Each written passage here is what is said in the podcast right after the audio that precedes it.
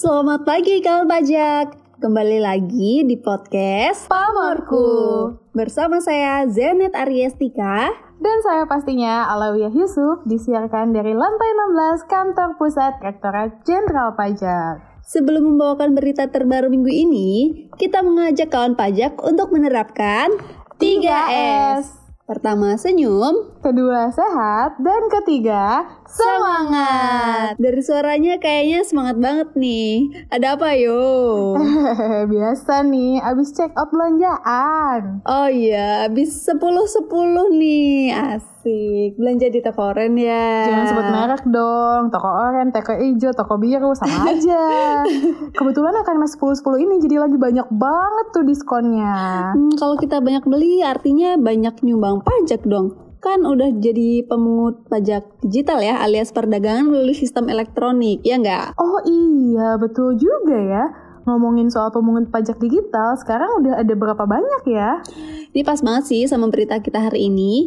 Direktorat Jenderal Pajak telah menunjuk 161 pelaku usaha perdagangan melalui sistem elektronik atau PMSE menjadi pemungut pajak pertambahan nilai atau PPN.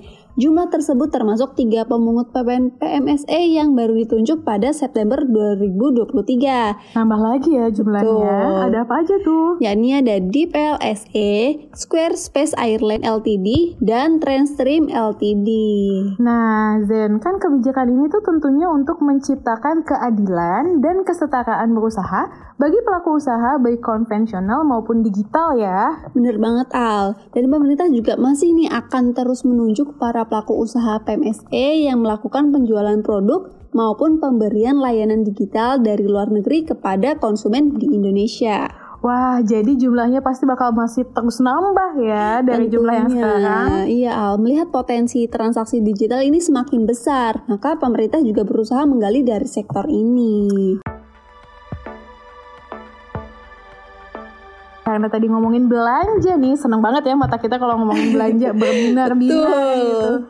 Jadi ingat juga arahan Presiden Joko Widodo. Nah apa tuh Al? Dalam pembukaan Rapat Kerja Nasional atau Rakernas Korps Pegawai Republik Indonesia atau Korpri pada 3 Oktober 2023, Presiden Republik Indonesia mengingatkan pejabat pemerintah pusat dan daerah agar tidak menggunakan pendapatan negara yang berasal dari pajak untuk membeli barang impor. Wah, terus gimana tuh? Nah, beliau meminta prioritas belanja produk dari dalam negeri dilakukan di semua unsur dinas. Jadi lebih memprioritaskan produk dalam Dalam negeri, negeri. ya. Hal ini karena jika jajaran pemerintah masih mengutamakan produk impor, maka belanja negara tidak dapat memberikan faktor pemacu kegiatan ekonomi masyarakat, terutama sektor usaha mikro, kecil dan menengah atau UMKM. Nah tuh kawan pajak ini bukan untuk jabat nih, untuk kawan pajak semua aja deh kita gencarkan untuk membeli produk lokal agar perekonomian dalam negeri juga semakin baik ya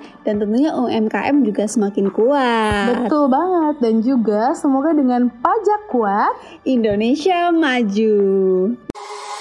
Baik kawan pajak cukup singkat ya pemberitaan kita di minggu ini. Terima kasih kawan pajak yang sudah mendengar berita pamarku di minggu ini. Jangan khawatir karena kita akan update terus berita pajak setiap minggunya melalui Pamorku, podcast berita kesayangan kita semua. Sampai jumpa.